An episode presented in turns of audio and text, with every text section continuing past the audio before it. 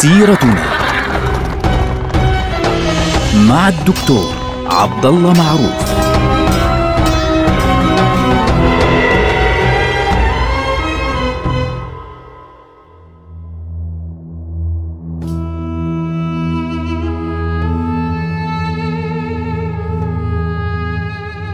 السلام عليكم ورحمة الله وبركاته. سيرتنا سيرة هذه الأمة العظيمة ونحن الآن في عهد عمر بن الخطاب رضي الله عنه.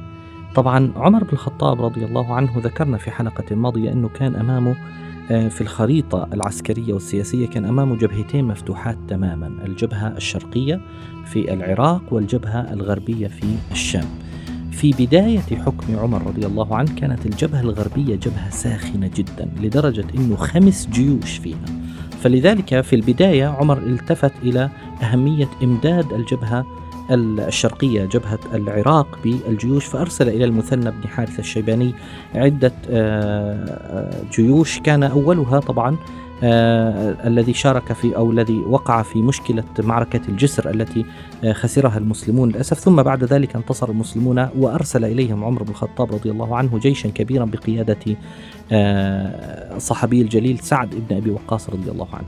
أما في ناحية الشام فكان اللحظة التي بدأ فيها عمر خلافته كان المسلمون فيها يستعدون فعليا لمعركة كبرى، كانت الجيوش المسلمة في بلاد الشام منتشرة في كل مكان في بلاد الشام، يعني أبو بكر رضي الله عنه عندما أرسل أول أربعة جيوش قبل أن يرسل أن يتبعهم بخالد بن الوليد ويأمره بترك العراق والذهاب إلى الشام، كانت الأربع جيوش التي أرسلها أبو بكر رضي الله عنه قد انتشرت في نواحي الشام.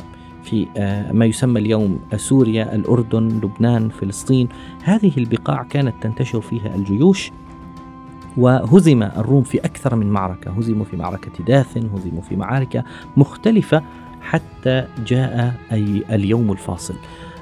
في ذلك الوقت كان قد قرر إمبراطور الروم نفسه هرقل الذي وصله كتاب النبي صلى الله عليه وسلم شخصيا على فكرة هو نفسه كان قد قرر أن ينتقل إلى حمص وبعد ذلك تراجع إلى أنطاكيا ثم عاد إلى القسطنطينية لكنه في تلك المرحلة كان في حمص في ذلك الوقت قرر هذا الرجل أن يجهز جيشا كبيرا. قال لابد من أن يعني لا نترك لهؤلاء المسلمين أن يفرقون في كل مكان. واحد بقاتلنا هنا هذا يقاتلنا هناك. شرحبيل في منطقة شرق الأردن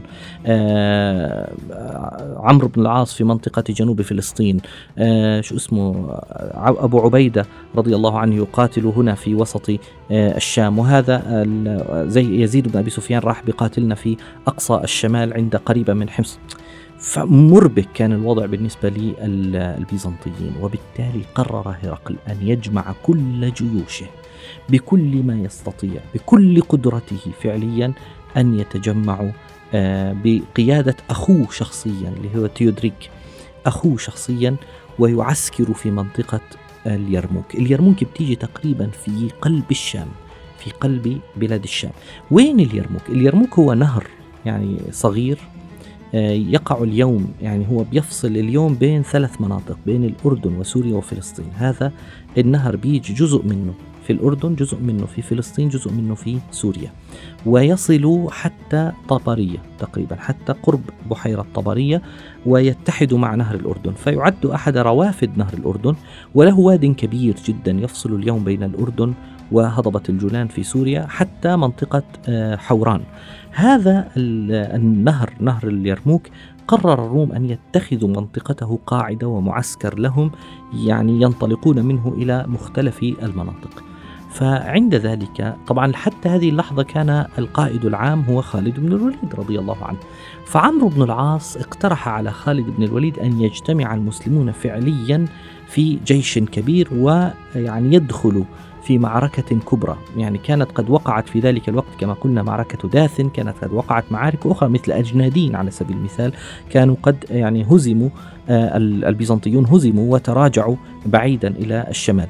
فبالتالي عندما تجمع جيش الروم تجمع جيش المسلمين وبدأوا يعدون العدة فعليا إلى آه لقاء كبير جدا. أصلا لهذا السبب عندما بلغت الأخبار بتجمع جيش الروم كان أبو بكر رضي الله عنه خليفة رسول الله كان قد وجه خالد بن الوليد إنه يروح باتجاه الشام. فبالتالي عمرو بن العاص اقترح على خالد اللي هو الآن القائد العام أن يجتمعوا في منطقة اليرموك وفعلا بدأ التجهيز إلى معركه لمعركة كبيرة. طبعا معركة اليرموك ليست يوما واحدا على فكرة يا جماعة الخير. يعني كان بعض الناس يظنهم يظن أنه والله معركة اليرموك يوم واحد حدثت وصلى الله بارك وانتهت القضية. لا ليس كذلك الأمر. ليس كذلك أبدا. معركة اليرموك كانت معركة طويلة امتدت عدة أيام. عدد المسلمين فيها يعني كان يعني يناهز تقريبا أربعين ألف. يعني وقال بعضهم ثلاثين ألف. أما جيش الروم فذكر عنهم في مصادر المسلمين أنه تجمع لهم 240 ألفا. القائد العام كان خالد بن الوليد. طبعا الروم ليسوا كلهم بيزنطيين. شارك معهم بعض آه، نصارى الشام في ذلك الوقت بقيادة جبل بن الأيهم. آه، هؤلاء اتحدوا مع الروم في مقاومة المسلمين. لكن بعد ذلك بعد أن انتصر المسلمون يعني بدأ نصارى الشام أنفسهم يساعدون المسلمين فعليا في آه، قتال الروم البيزنطيين. فخالد بن الوليد هو القائد العام وكان معه أبو عبيدة وعمرو بن العاص ويزيد بن أبي سفيان وشرحبيل بن حسنة والزبير بن العوام والقعقاع بن عمرو وعكرمة بن أبي جهل وعدد هائل من المسلمين. لما خالد بن الوليد نظر إلى أرض المعركة آه، رأى أنه أفضل طريقة للانتصار على البيزنطيين في هذا الوادي هو تقسيم المسلمين إلى كراديس. ماذا تعني كراديس؟ مفردها كردوس. الكراديس يعني زي كتائب. كل كتيبة فيها ألف مقاتل بحيث أنه كل واحد منهم آه، يكون له حرية الحركة وسهولة التحرك بحيث أنه ليس جيش كبير جدا ثقيل الحركة مثل جيش الروم. الروم كانت طريقتهم مختلفة على فكرة. كانت طريقتهم تجميع كل عشرة تقريبا في سلسلة حتى لا يفروا من المسلمين. وهو جيش موحد يعني فيه خيالة وفيه مشاة. نقطة. هذا هو جيش الروم. في بداية المعركة في اليوم الأول واحد من القادة الكبار من الروم اسمه جرجة. جرجة يعني ممكن نسميه جورج تقريبا يعني زي اسم جورج اليوم أو جرجة هذا التسمية العربية تبعته. خرج ليبارز آه، خالد بن الوليد. فخالد بن الوليد وقف أمامه وتجهز للمبارزة. يعني هو طلب قال أعطوني قائدكم العام أريد أن أقاتله. فخالد بن الوليد تقدم إليه. فجرجة بدأ يسأل خالد بعض الأسئلة. قال له انتظر أنا قبل ما أقاتلك بدي أسألك بعض الأسئلة. هل نزل عليك فعلا سيف من الله من السماء؟ يعني أنت تسمى نسمع الناس بيقولوا سيف الله سيف الله سيف الله. هل نزل عليك سيف من السماء؟ قال له اللهم لا. فقال له العاد من وين سموك؟ كيف سموك سيف الله؟ قال له إني فعلت كذا وكذا وكذا مع رسول الله صلى الله عليه وسلم فسماني سيف الله ودعا لي أن أكون سيفا مسلطا على المشركين. فقال له طيب ما هو دينكم؟ قال له ديننا يأمرنا بكذا وكذا. قالوا لا تكذبني. قال لا أكذبك. طيب ماذا يكون للشخص إن دخل دينكم؟ قال له يصبح واحدا منا. فبيقول كيف يصبح واحد منكم وهو متأخر؟ قال له لا حتى لو تأخر بالعكس بيكون أفضل. لماذا؟ لأنه لم يرى النبي صلى الله عليه وسلم ليس مثلنا فيكون أفضل منا فعليا في عيوننا نحن أنه آمن ولم يرى رسول الله صلى الله عليه وسلم. فعند ذلك قال له جرجة أو تأخذني فأؤمن معكم وأسلم. فخالد قال له تعال يا عمي تعال أسلم. فأقبل معه. بعد أن خرج ليبارزه أقبل معه إلى خيمته فانخذل البيزنطيون غضب غضبا شديدا. وجرجة هذا صلى مع خالد علمه الصلاة في خيمته فصلى معه ركعتين ثم انضم لجيش المسلمين واستشهد في ذلك اليوم ولم يصلي إلا تلك الركعتين. رحمه الله وتقبله في الصالحين. ففي آخر ذلك النهار.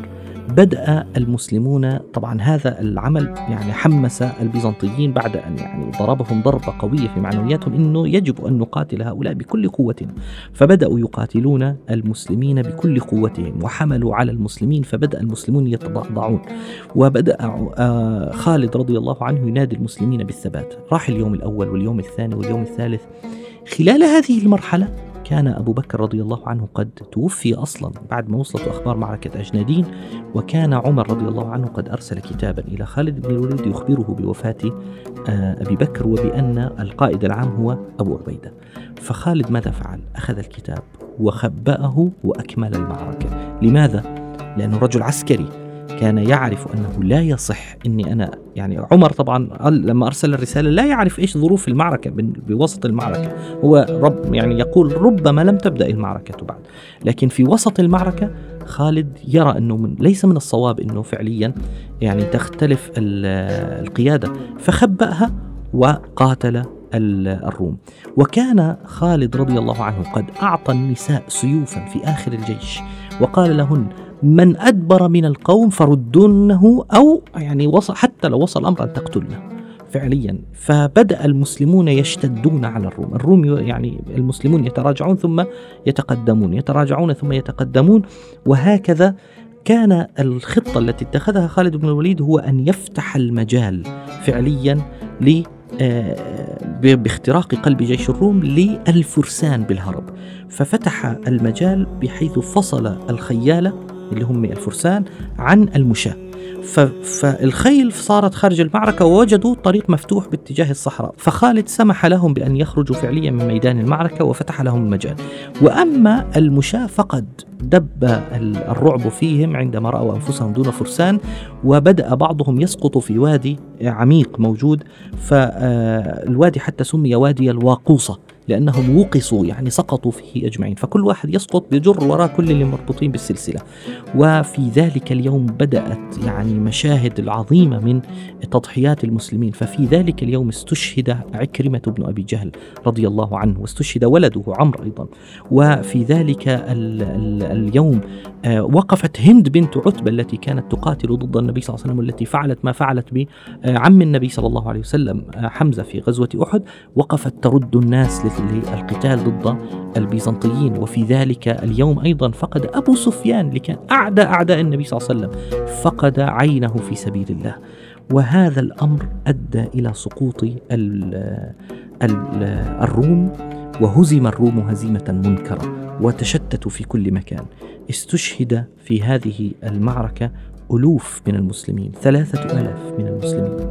واستشهد يعني كبار من الصحابة مثل عكرمة كما ذكرنا وغيرهم. وأما الروم فقد قتل منهم عشرات الآلاف عشرات الآلاف. قيل إن الذين قتلوا لا يعني لا يقلون عن ثمانين ألفا. هذا الأمر فتح الطريق باتجاه دمشق فتحرك جيش المسلمين فورا وفتح دمشق. وكان على الطرف الأول على الباب الشرقي خالد وعلى الباب الغربي كان آه، أبو عبيدة.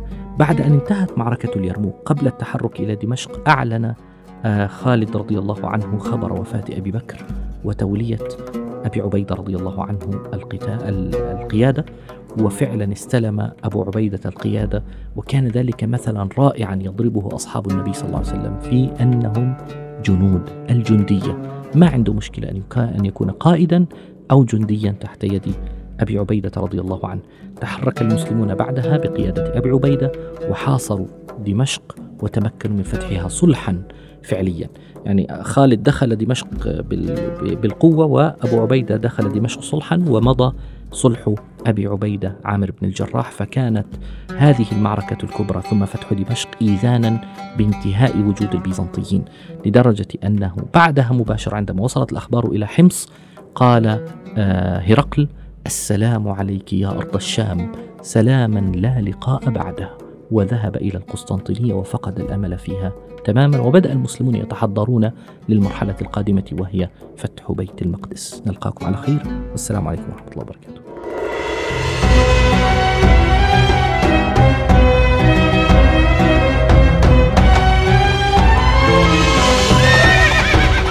سيرتنا.